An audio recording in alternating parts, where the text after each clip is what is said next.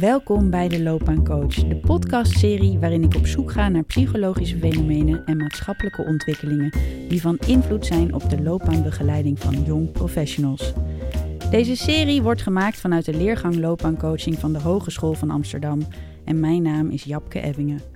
Vandaag hebben we het over deep democracy, conflict als weg naar vrijheid. Wat is het en welke waarde kan deze methodiek hebben in de context van loopbaanbegeleiding en het één op één gesprek?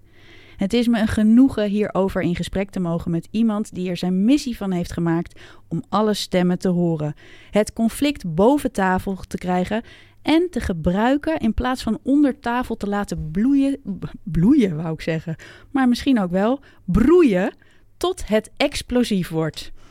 Bij mij in de studio is oprichter, trainer en supervisor van de House of Deep Democracy, Jonathan Keren. Welkom. Dankjewel. Jonathan, ja, bloeien zeg ik. En dat is eigenlijk wel ook wel interessante verspreking, vind ik zelf meteen. Heel gepast. Heel, gepast, hè? Heel gepast. dus we laten hem erin. Jonathan, waar is jouw interesse in conflict en het oplossen daarvan uh, ja, gewekt, zou ik willen zeggen? Het is gewekt vanwege, nou in eerste instantie vanuit een hele persoonlijke behoefte. Ik kwam in rond 2006, denk ik, in aanraking met Myrna Lewis, de grondlegster van Deep Democracy. Ze was voor het eerst in Nederland en ik werkte in die tijd uh, in het onderwijs. Dat doe ik nog steeds een klein beetje. En eigenlijk kwam ik vanuit mijn interesse in wat er in het klaslokaal gebeurt. Er waren conflicten in mijn klaslokalen. Ik had ook zelf wel eens conflicten gehad met, met mijn studenten. Maar ik was me ook heel erg bewust van de rol van relatie in het klaslokaal. En daar werd niet zo heel veel over gesproken uh, bij docenten, onderling we hadden daar ook niet heel veel um, handvatten voor gekregen in mijn studie. Ik heb muziek gestudeerd en dus daar krijg je wel uh, docentvakken, maar waren niet zo, er was niet zo heel veel. Ik had nooit een handleiding gekregen. Nou ja, niemand van ons heeft dat vermoedelijk gekregen, maar uh, hoe doe je dat? Hoe werk je op dat relationele niveau in het klaslokaal, terwijl het zo cruciaal is eigenlijk? Je, je kunt niet leren zonder relatie. En dat ziend in jouw klaslokaal dacht je, ik ga mij verdiepen in onderlinge relaties. En even voor de luisteraar, Mirna Lewis is de schrijver van Inside the Know. En mhm. zij heeft de methodiek van Deep Democracy ontwikkeld, hè? Zij en haar man Weile, Greg Lewis. Die samen hebben dat ontwikkeld. En toen kwam je dat tegen in je persoonlijke leven. Um, en van daaruit is de House of Deep Democracy ontstaan. Nou, er zat nog een stap tussen. Wat, wat er gebeurde was dat ik, ik ging eigenlijk voor, uh, uh, om het te ontwikkelen als docent. En in die twee dagen um, ervaarde ik wat het was om met een groep door een conflict heen te gaan. In de stijl van Deep Democracy. En dat was heel ongebruikelijk. Dus ik had het niet eerder op die manier meegemaakt.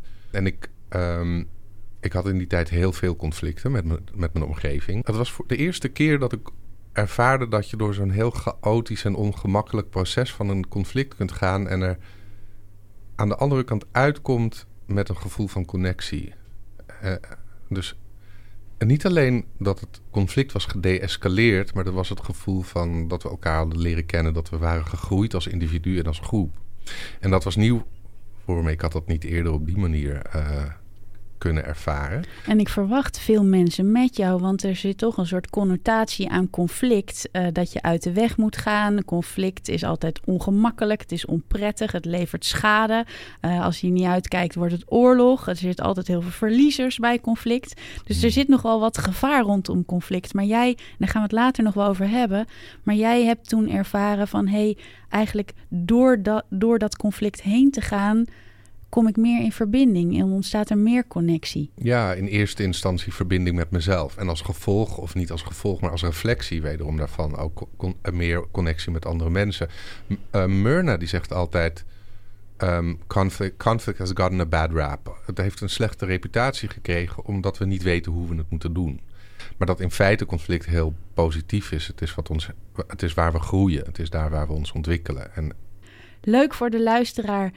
Um, wat jij nog niet hebt verteld. Maar jij bent ook nog eens het achter-achterkleinkind van Martin Buber. Mm -hmm. En uh, hij was filosoof en grondlegger van de dialoog. Dus misschien ergens diep zit het ook nog in je DNA om dit uh, uh, om de dialoog en het gesprek aan te gaan. Ja, ja dat is wel grappig, want ik, ik heb uh, een aantal jaar geleden begon ik, zijn, begon ik me een beetje meer in hem te verdiepen. Ik heb niet, ik heb niet al zijn werk gelezen, ik, ik heb, maar ik ben begonnen met wat lezen van zijn werk. En ik lees zijn werk heel langzaam, want je, je leest één zin en dan kun je zo een maand opteren. En uh, het was wel het was een hele grappige ervaring. Want wat ik, wat ik merkte was dat het, het, voelde als, het voelde heel natuurlijk om zijn woorden te lezen. En ik ben natuurlijk ik ben opgegroeid met zijn werk in mijn omgeving. Er werd altijd over hem gesproken. En mijn moeder heeft hem gekend. Die was 16 toen hij overleed. Dus um, die heeft nog herinneringen van, van hun gesprekken samen. En toen ik zijn werk begon te lezen, toen voelde het inderdaad, toen voelde het alsof hij tegen mij aan het spreken was. Omdat het zo, um, de taal was zo, of, of de, de manier van spreken, er was iets in hoe hij schrijft wat zo bekend voelde. Ja, dus het zit ergens wel in het systeem. En het is grappig, zijn meest bekende werk heet uh, uh, Ik en Jij. En dat gaat precies over, over dat. Die, die, die, het, het gaat over de relatie tussen jou en mij. Maar waar, vindt nou de, waar is nou de echte relatie? Wanneer zijn we echt met elkaar in connectie? Ja. En, en, dat ligt heel dichtbij wat we in Deep Democracy doen. Of het, het, is eigenlijk een route om te doen waar hij het over had. Wat ik heb gelezen van hem is dat, dat hij zegt... Um, die tussenruimte is eigenlijk een hele natuurlijke ruimte. Dat is waar je je bevindt als je geen agenda... als je niet door een persoonlijke agenda bent gedreven. En een persoonlijke agenda's zijn een gevolg van onze identiteit. Het is, het zijn, we zijn uh, gedreven door een overtuiging, een diepliggende overtuiging... En um, dat uitzicht in agenda's. Ik wil iets van jou. En, ik wil hier nu een podcast met jou maken. Ja, precies. Zie je? En daar heb je een agenda. En vanuit die agenda, op het moment dat ik iets van je wil, kan ik niet echt in connectie staan met jou. Dan hoor ik je niet. Dan ben ik aan het luisteren naar openingen om te krijgen wat ik wil. En de tussenruimte is daar waar je agendaloos samen bent. En in zekere zin ervaar je daar, of niet in zekere zin, wat je daar ervaart is de ongescheiden aard van uh, het bestaan of van de ervaring van het bestaan. Dat we in wezen niet echt onderscheid kunnen maken tussen jij en ik. Maar tot het moment dat we daar een label op plakken. Dat ben jij en dit ben ik. Identiteit. En dus het ligt. Voor mij spreekt Martin Buber in andere woorden over dezelfde fenomenen waar we het in Deep Democracy over hebben. Of in elk geval de fenomenen die ik ervaar in die Deep Democracy processen. Die bevrijding van identiteit die je kunt ervaren via conflict, die, die brengt je in een staat waar je ervaart dat je niet zo gescheiden van elkaar bent als je dacht. Kijk, niet zo gescheiden van elkaar als je dacht. Laten we die begrippen vanuit de Deep Democracy nu eens even helder krijgen. Mhm. Omdat de methodiek van Deep Democracy meestal wordt toegepast in groepen, uh, laten we daar beginnen. En dan gaan we later de brug maken naar wat daarvan bruikbaar is in de één op één relatie. Um, maar je noemt er al een paar dingen over, over overtuigingen en dat soort zaken. Wat versta jij onder conflict? Conflict is het is een gevolg van identiteit. En dus we leren onszelf wie of wat we zijn. Um, dat is een enorme collectie aan overtuigingen. Laten we zeggen, ik zou kunnen zeggen, ik heb geleerd, ik heb mezelf geleerd, ik ben een man. En, um, en ik ben een, een aardige persoon en ik ben sociaal. En, um, en ik ben niet egoïstisch. dat hoort niet bij wat ik ben. En dat you wish. Ja, I wish inderdaad. ja, dat zijn de leugens die we onszelf vertellen over onszelf. Jij noemt de hele, hele tijd, het is een gevolg van identiteit. Nu zijn er vanuit de ontwikkelingspsychologie ook heel veel gedachten dat de belangrijkste um, ontwikkeltaak in de adolescentie van 12 tot en met pak een beet 25 is het ontwikkelen van de eigen identiteit. Jonathan, hoe doen we dit? hoe, hoe ontwikkelen we identiteit? Nee, niet hoe ontwikkelen we dit, maar dit, ik voel een conflict. Nou ja, er zit... Hè? Maar daar, in een conflict kunnen we leren. Dus nu voel ik een conflict tussen de ontwikkeltaak en eigenlijk wat jij zegt, en ook vanuit de leer van Martin Buber, uh, van ja, eigenlijk is conflict een gevolg van identiteit en de beelden die we zeggen, denken, geleerd hebben, wie we zijn, wie we zijn. We, we hebben te maken met identiteit. Dat is het is wat we in essentie denken te zijn. Eh, we koppelen het ook aan het lichaam. We zeggen, ik, dat is nog een identiteit, ik ben het lichaam. en je, je, ervaart ook vaak dat de overtuigingen over jezelf worden ervaren in het lichaam. Je, je, er zijn uitingen, gevoelens, sensaties in het lichaam die je de perceptie geven uh, van een, een individu te zijn. En, en dan heb ik beslist, dit is wat ik ben. En dan staat er ineens iemand tegenover me die iets anders is. En die herinnert me aan de kant van mezelf die ik niet wil zien. Dus um, laten we teruggaan naar ik ben een sociale of ik ben een aardige man. En nu staat er iemand tegenover me tegen me te schreeuwen en ik ervaar ze als egoïstisch of onaardig of een van die varianten. Ze herinneren me aan een deel van mezelf wat ik niet wil zien en wat ik niet wil zijn. En dus zal ik, ik zal in oppositie geraken. Ik zal het, um, ik zal me er tegen, er tegen verzetten tegen dat wat de andere kant vertegenwoordigt. En dat is waar elke oorlog start. Jij, ik ben dit en jij bent dat. Oké, als je dan zo'n groep hebt met conflict, welke stappen kan je mensen laten doen om door dat conflict heen te gaan, wat ze het liefst misschien uit de weg gaan, of wat onder tafel gaat, of escaleert, et cetera? Nou, er zijn in Deep Democracy vijf stappen die gebruikt worden. En Ehm, de, de reden dat... Ja, er oh, zijn de eerste, je zijn inderdaad de eerste vier en de vijf is de verdieping, hè? Ja, uh, je zou kunnen zeggen, je hebt vier stappen die werken in het meer rationele domein, het meer bewuste domein.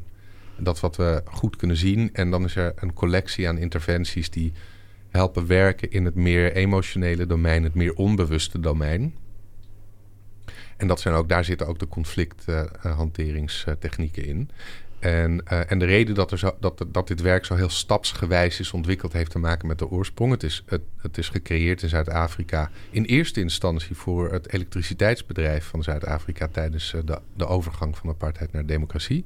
En daar besloot een, een manager om over te gaan op een meer um, democratische structuur. Een meer gelijkwaardige manier van samenwerking. En belangrijker nog, de, de raciale hiërarchie moest worden verwijderd uit de organisatie. En toen werden onder meer Myrna en Greg Lewis uitgenodigd om, dit, om te komen helpen met hoe doe je dat dan? Hoe kunnen we op meer gelijkwaardige voet besluiten nemen met elkaar? En, en natuurlijk was daar ook vraag naar conflicthantering, omdat uh, er zoveel boosheid en laten we zeggen, woede was uit dat apartheidstijdperk. Dat je mensen begonnen besluiten te nemen en binnen, binnen no time liepen ze vast met elkaar. Dus Greg en Myrna hebben in die tijd hun kennis in groepsdynamica vertaald naar hele pragmatische stappen die je kunt ondernemen. Om, uh, om in zo'n groep beter te kunnen functioneren met elkaar. En die eerste vier stappen die worden gebruikt voor het voeren van gesprekken en besluitvorming.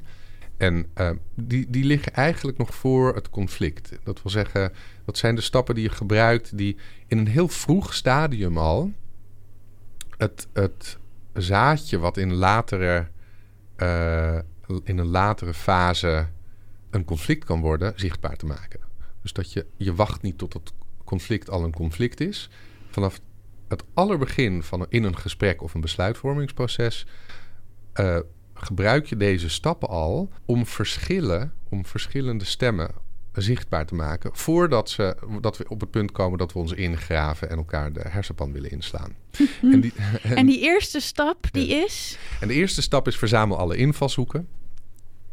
En verzamel alle invalshoeken betekent dat je in een besluitvorming of in een gesprek, een dialoog, iedereen uitnodigt om de mening te uiten. Dat wil zeggen niet alleen de formele en informele leiders. Dat is eigenlijk het belangrijkste aspect van die eerste stap. Dat je, dat je zegt niet alleen de docent, niet alleen de ouder, niet alleen de manager heeft het antwoord. We hebben allemaal het antwoord. En dan, als al die stemmen zijn gehoord, waar ga je dan naar op zoek? Als die veiligheid er is? Nou, ik zou zeggen, je wacht niet tot alle stemmen zijn gehoord. Want uh, wat er in de meeste gesprekken gebeurt, is dat, je in hele, dat er heel snel een populaire mening zichtbaar wordt. Uh, consensuswerking. En um, op het moment dat er een populaire mening is, neigen we onze mond te houden als we iets anders vinden. En je kunt het voelen in, in de hele. De, de, de um, afspraken die we als samenleving hebben gemaakt, die heilig zijn voor ons. Bijvoorbeeld, een hele populaire mening is: je mag niet racistisch zijn. Dat wil zeggen dat als ik een racistische mening heb, dan zal ik hem niet snel uiten.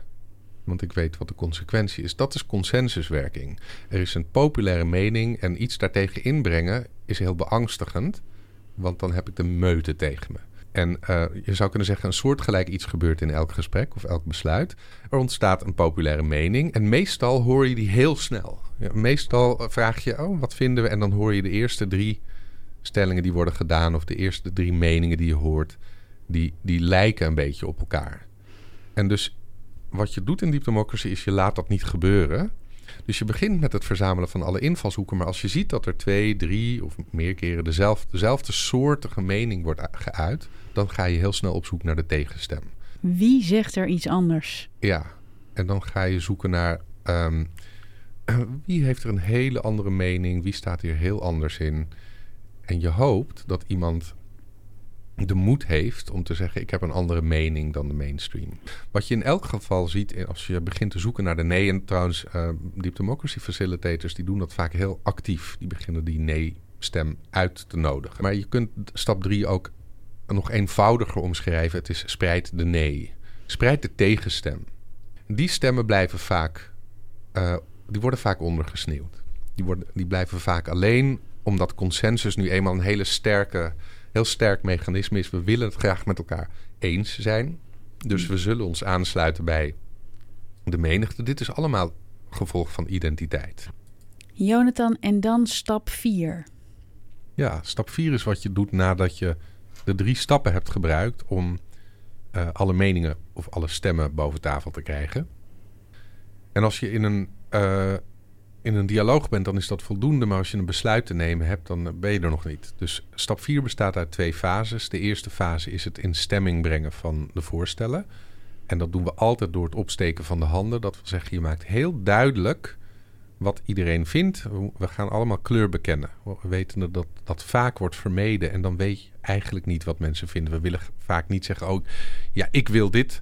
Want dan ga ik voelen dat we het niet met elkaar eens zijn. En in Deep Democracy is die, die vierde stap dus heel belangrijk. Je brengt alles in stemming door het opsteken van de handen.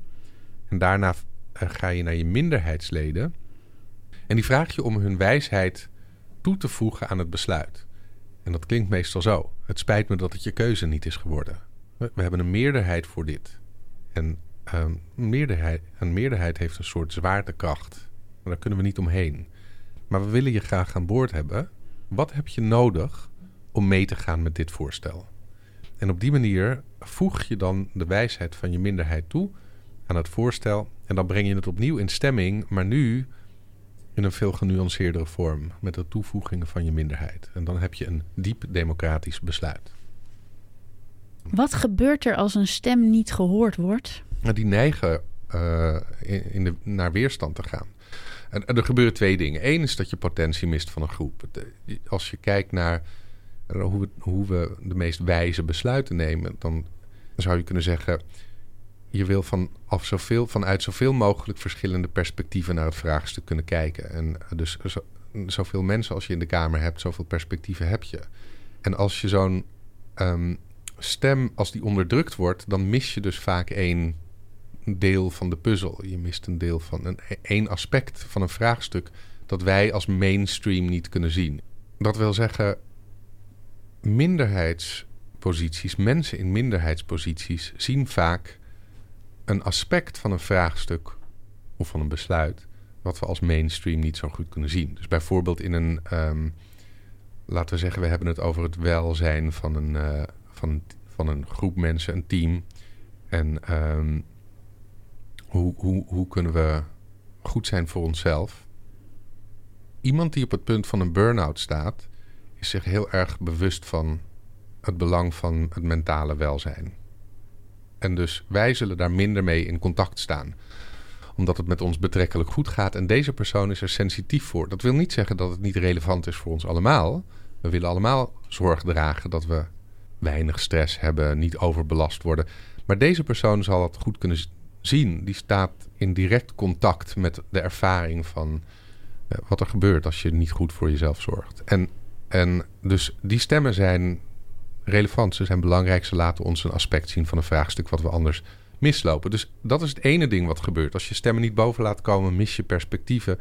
En uh, verlies je aan potentie, aan potentie of wijsheid uh, die de groep in zich draagt. En het tweede gevolg is dat we neigen om in de weerstand te gaan als we niet worden gehoord. Dat we, uh, en in Deep Democracy spreken we van de terroristenlijn of de weerstand, weerstandslijn. We bewegen richting separatie, richting scheiding. Dus, dus alles wat niet gezegd wordt, dat gaat ondergronds. Dat gaat ondergronds en dan gaan we ons op allerlei manieren gedragen... Um, waarin we onze weerstand uiten. Dus we beginnen eerst grappen te maken en op den duur worden we sarcastisch en dan gaan we roddelen. Uh, we komen in een fase waarin we minder gaan communiceren met elkaar. En op den duur bewegen we steeds meer richting een scheiding. Hoe langer we niet worden gehoord, hoe meer we wegbewegen van elkaar. En dus uh, het tweede ding wat er gebeurt met stemmen die niet worden gehoord, is dat ze die terroristenlijn op bewegen. Ze, ze beginnen langzaam steeds meer weerstand te uiten. En en hoe langer dat duurt, hoe moeilijker het wordt om met elkaar te kunnen functioneren. Dat is de reden dat we zo op zoek zijn naar al die verschillende meningen. Eén is om de potentie of de wijsheid van zo'n groep te benutten, al die verschillende perspectieven. Maar de tweede is ook dat we weten dat er een gevolg een gevolg is. Dat het wordt steeds moeilijker om echt met elkaar te kunnen functioneren als je niet al die stemmen hoort. Hoe kan je al deze wijsheid van al die stemmen in de groep horen en het gebruiken van die nee, hoe kan je dat gebruiken in een één op één gesprek? Nou, al deze uh, stappen zijn uh, toe te passen op een groep, maar ze zijn ook toe te passen op een individu. Dat wil zeggen dat je uh, in een individu op zoek kunt gaan naar die stemmen die minder goed worden gehoord. En het is niet echt anders dan in een groep, in de zin dat wat wij onze schaduwkant noemen, dan heb ik het over die delen van onszelf die niet waar we niet mee geïdentificeerd zijn. Sterker nog, die waar we ons tegen verzetten. In mijn voorbeeld. Dus ik ben wel een racist en ik ben een egoïst. Exact. En in mijn voorbeeld is het dat egoïsme. Ik heb mezelf geleerd, ik moet sociaal zijn. Dus mijn schaduwkant is mijn egoïsme. Dat zie ik liever niet, want dan wordt mijn identiteit, die, die, die wordt onbetrouwbaar. En, um, en dat deel, je zou kunnen zeggen, dat is in feite net zoals meerderheids-minderheidswerking. We hebben een interne meerderheid. En onze interne meerderheid dicteert wat we moeten zijn. Maar de realiteit is dat we hebben er niks over te zeggen. We hebben niks te zeggen over wat we zijn. Soms zijn we nu eenmaal uh, egoïstisch en soms sociaal. En um, en dat is niet een keus. Dat is gewoon een aspect is, van het menselijk is, En het is misschien wel een keus om dat wel of niet aan te kijken. Dat is de, misschien wel de enige keus die we hebben. De enige keus die we hebben is uh, ernaar, om er naar te kijken, om ons naar binnen te keren en te zien wat er in ons omgaat. En dus die dus- vier stappen, die, die, die zijn ook los te laten op het individu. En er zijn verschillende manieren om het te doen. Dus dit zijn, dit zijn de principes van de stappen. En die democracy bevat ook echt uh, hoe, technieken. Hoe kan je dat doen als individu? Hoe kan je de meerdere stemmen in jezelf ontdekken? Want heel veel mensen zijn bang voor conflict of uh, vinden het ook ontzettend moeilijk om naar die. Ik zelf ook. Uh, ik zie zelf liever niet dat ik uh, misschien ook wel niet inclusief ben. Of hè, dat ik misschien toch ook racistisch ben op sommige punten. Of dat ik ook egoïstisch ben op sommige punten enzovoort. En ik vind dat niet zo prettig, Jonathan, om daarnaar te kijken. dus waarom is het zo moeilijk? Ja, nou laat ik beginnen met. Je bent vrij om nooit naar binnen te kijken. Ik bedoel, niemand is verplicht om dit te doen. En dat, de aard van het bestaan. dat is, is godzijdank. Maar er zit dus ook potentie die ik daardoor misloop, heb je net gezegd. Want als we alle nee's en alle stemmen kunnen horen, en dus ook in onszelf, kunnen we misschien wel tot een beter weet ik veel komen. Of een mooier inzicht of een, uh, een beter handelen, een completer handelen. Absoluut. Dus, uh, dat, en, en die kan je ook misschien vrijer zijn en je meer verbonden voelen met dat waar je je eigenlijk niet mee wil verbinden. Nou, om te beginnen met het voorbeeld wat je geeft. Um, ik ben ook racistisch, absoluut. Er zit racisme in mijn conditionering. En als ik dat kan zien, dan raak ik niet in oppositie tegenover de degene die iets racistisch zegt. Dus ik kan in connectie zijn met diegene, want ik herken dat in mezelf. Ik ben niet anders in dat opzicht. Dat is één. En ten tweede, als we het niet kunnen zien, dan kunnen we ook niet kijken naar wat gebeurt er nou in ons systeem. Want er zit racisme in ons systeem. We, we, we behandelen de een anders dan de ander. Op basis van hoe ze eruit zien, culturele of etnische achtergrond als ik dat deel van mezelf niet kan zien, kan ik ook niet kijken naar wat is een intelligente oplossing. Dit is nu eenmaal een deel van ons systeem. Dus die, ja, als je een besluit wilt, als je een wijs besluit wilt kunnen nemen, dan heb je alle aspecten nodig van de wereld of van, van de, de context. Je hebt ook alle aspecten van jezelf nodig. En hoe kan je dat dan doen? Ja. Er zijn duizend wegen om het te doen. Deep Democracy, in Deep Democracy doe je dat via conflict. Omdat wat er in conflict gebeurt, is dat je, je wordt geraakt in de aspecten van jezelf die je liever niet ziet. Dus als wij ruzie hebben met elkaar, dan kun je van alles tegen me roepen. En het zal me niet zoveel doen totdat je iets raakt wat bij mij in dat onbewuste zit. Dat, wat, wat buiten mijn identiteit ligt. Je kunt tegen mij schreeuwen en uh, je kunt tegen Jonathan zeggen... ja, Jonathan, je bent, een, je bent zo'n geoot en je maakt er zo'n bende van... en het is zo onoverzichtelijk en je vergeet dingen. En dan zeg ik ja, ja, absoluut. Dan hebben we geen conflict. Nee, want ik ben, ik ben me bewust van dat aspect van mezelf.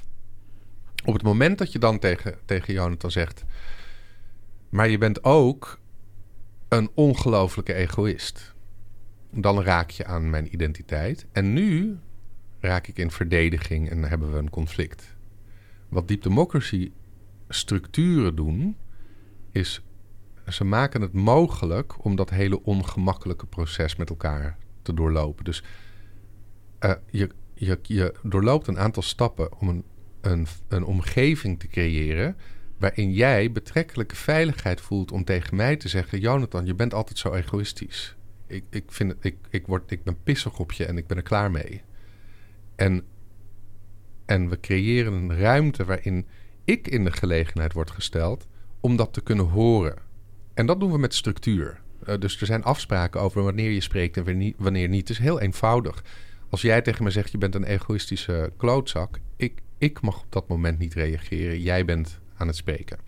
En dan zijn er daarna vragen die ons uitnodigen om naar binnen te keren en exact te kijken naar die aspecten die pijnlijk waren. Dus uh, een vraag die je veel tegenkomt in Deep Democracy is: wat raakte je? En wat zegt het over jou? Of wat raakte je en welk stukje ervan had gelijk? Wat laat het je zien over jezelf? En via het conflict kan ik dan in contact komen met dat deel van mezelf wat ik niet wil zien, dat egoïstische gedrag. Waarom? Omdat ik de pijn volg. Dus in dit voorbeeld, als ik blijf bij het gevoel, als ik in die pijn kan blijven of met die pijn kan blijven en tijd kan nemen om aandacht te geven aan het gevoel, dan, kan ik me, dan ben ik in de gelegenheid om me ook bewust te worden. Wat is de overtuiging die dit gevoel creëert? En de overtuiging is in dit geval: ik ben een sociaal persoon, ik zou sociaal moeten zijn, ik mag niet egoïstisch zijn. En um, dus we, we gebruiken het ongemak, de pijn. Je zou kunnen zeggen: het is een soort vorm van stay with the trouble. Blijf daar waar het ongemakkelijk is. Maar dat, Jonathan, is onprettig. Ja. ja, dat is onprettig. Well, dus... I never promised you a rose garden. maar eh, je hebt gelijk. En, en dus ik denk dat dat, is, dat wijst naar een van de meest belangrijke principes in Deep Democracy. Daar hebben we het niet over gehad, maar dat zijn de metavaardigheden van de begeleider. De grondhouding van de begeleider. De twee meest belangrijke grondhoudingen in Deep Democracy zijn neutraliteit en compassie. Neutraliteit betekent dat je je tijdelijk kunt losmaken van je eigen mening, je eigen agenda en of van de uitkomst van het proces, dat wat jij wil. En compassie betekent dat je dat wat je in de ander ziet ook in jezelf kunt herkennen en accepteren. Dat wil zeggen dat als jij een racistische uiting doet, dat ik mijn eigen racisme kan herkennen. Als ik dat niet doe, dan raak ik in het verweer. Dan zal ik me verzetten en zal ik niet goed kunnen luisteren naar wat jij zegt. Dus in een één op één situatie, als we werken met een individu, geldt hier hetzelfde. Dat wat belangrijk is, is dat je met neutraliteit en compassie kunt komen.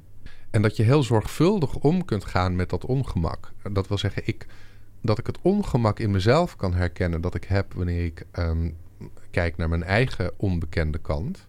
En dat ik vanuit daar um, met heel veel geduld en ruimte en liefdevolle aandacht present kan zijn met de cliënt in dit geval. Voor mij vraagt het een practice, het vraagt dagelijks aandacht. Voor mij is wat al deze uh, verschillende practices die dit doen, deep democracy, er zijn ook andere wegen om dit in je eentje te doen, um, die hebben met elkaar gemeen dat, ze, dat het meditatieve processen zijn. Meditatief betekent dat je je richt op de ervaring. Dat je opmerkt wat er in de ervaring gebeurt. En dat wil zeggen, als ik kijk naar mijn eigen overtuigingen, mijn oordelen, een van de manieren waarop ik dat doe, is dus om simpel te beginnen bij waar heb ik, ben ik getriggerd geweest door iemand. Ik heb iets van ze gevonden. En er zijn verschillende manieren om naar binnen te kijken en te zeggen: wat was er precies gaande op dat moment? Wat dacht ik over de anderen? Wat bracht dat allemaal teweeg in, in mij? Dus uh, ik ben boos op Japke, want uh, ze, ze, ze, ze, heeft me onderbroken tijdens het gesprek. Right? En, doodzonde. Doodzonde. En, um, en dan keer ik me naar binnen toe en kijk ik naar... oh, ze heeft me onderbroken. En er zijn alle, allerlei vragen die je daarover kunt, stellen. Je kunt allereerst kijken naar of het echt waar is. Vaak hebben we een aanname gedaan die gebaseerd is op onze geschiedenis. We hebben iets geplakt op de ander wat, wat eigenlijk niet gaande is. Dus eerst om te bekijken of het echt is wat er gaande was, was we teruggaan naar het moment waarop jij me onderbrak. Was het echt een onderbreking? En daarna om te kijken naar wat, wat brengt, uh, wat veroorzaakt die overtuiging allemaal. Uh, Japke heeft me onderbroken. Het is overigens uh, gevoed door het idee dat je mensen niet mag onderbreken. Ik vind dat ik mensen niet mag onderbreken. Dus als jij het doet, ben je niet oké. Het gevolg daarvan is dat ik me tegen je ga verzetten. En uh, je wordt mijn vijand. En trouwens, ik ga terugvechten om zelf in te breken in het gesprek. En dat zie ik over het hoofd, want dat valt buiten mijn identiteit. En dus om echt te zien wat gebeurt er in dat moment van zo'n oordeel. En, en te kijken naar en wat blijft er over als ik dat oordeel buiten beschouwing laat. Eh, hoe ziet Japke eruit zonder het idee dat ze me heeft onderbroken? En dan zie ik ineens een hele hoop andere dingen die ik in eerste instantie over het hoofd zag. Namelijk hoe geëngageerd je bent, hoe geïnteresseerd je bent. Hoe je in feite reageerde op iets wat ik zei. Kijk, deze dingen die je nu ontdekt, Jonathan, door deze kleine inquiry en het zelfonderzoek wat je nu zojuist aan tafel doet, dit past dan weer beter bij mijn identiteit. dit hoort mijn identiteit graag. Oh, good, good, good, Jonathan, dus dit is het werk, hè, wat je en jij put daar ook veel uit. Dat is tijd voor, dat is voor een andere podcast, maar uh, je, je put ook veel uit het werk van The Work van Byron Katie, mm -hmm. waarin je oefent in ook in de meditatieve stand eigenlijk om al die perspectieven in jezelf boven tafel te krijgen en om te werken met omkeringen. Is het waar dat oordeel wat je hebt, of zou het ook misschien het tegenovergestelde kunnen zijn? Mm -hmm. en, uh, en welke stem in jezelf hoor je niet. Um, ik hoor hierin uh, het vertrouwen dat ieder mens heeft dat. Uh, mm, maar je zei in ons voorgesprek uh, ook: het is niet moeilijk om naar je eigen aannames te kijken, maar het vraagt moed, want je verliest een stuk van je eigen identiteit. Ja. Maar als het dan lukt, dat zei je ook in het voorgesprek, dan is present zijn een plek zonder houvast. Ja. Um, maar waar je dan wel goed kunt toeven. En waar de oren open zijn om de ander uh, in alle stemmen te horen. Jonathan, mijn dank is groot dat jij hier jouw stem wilde laten horen. Hiermee zijn we aan een einde gekomen van deze aflevering. Deze en andere afleveringen zijn te beluisteren via de bekende kanalen iTunes, SoundCloud, Spotify of via de website. Ook zijn we te volgen op Instagram, de underscore loopbaancoach. Zeg het voort. Dit was de loopbaancoach. Leuk dat je luistert.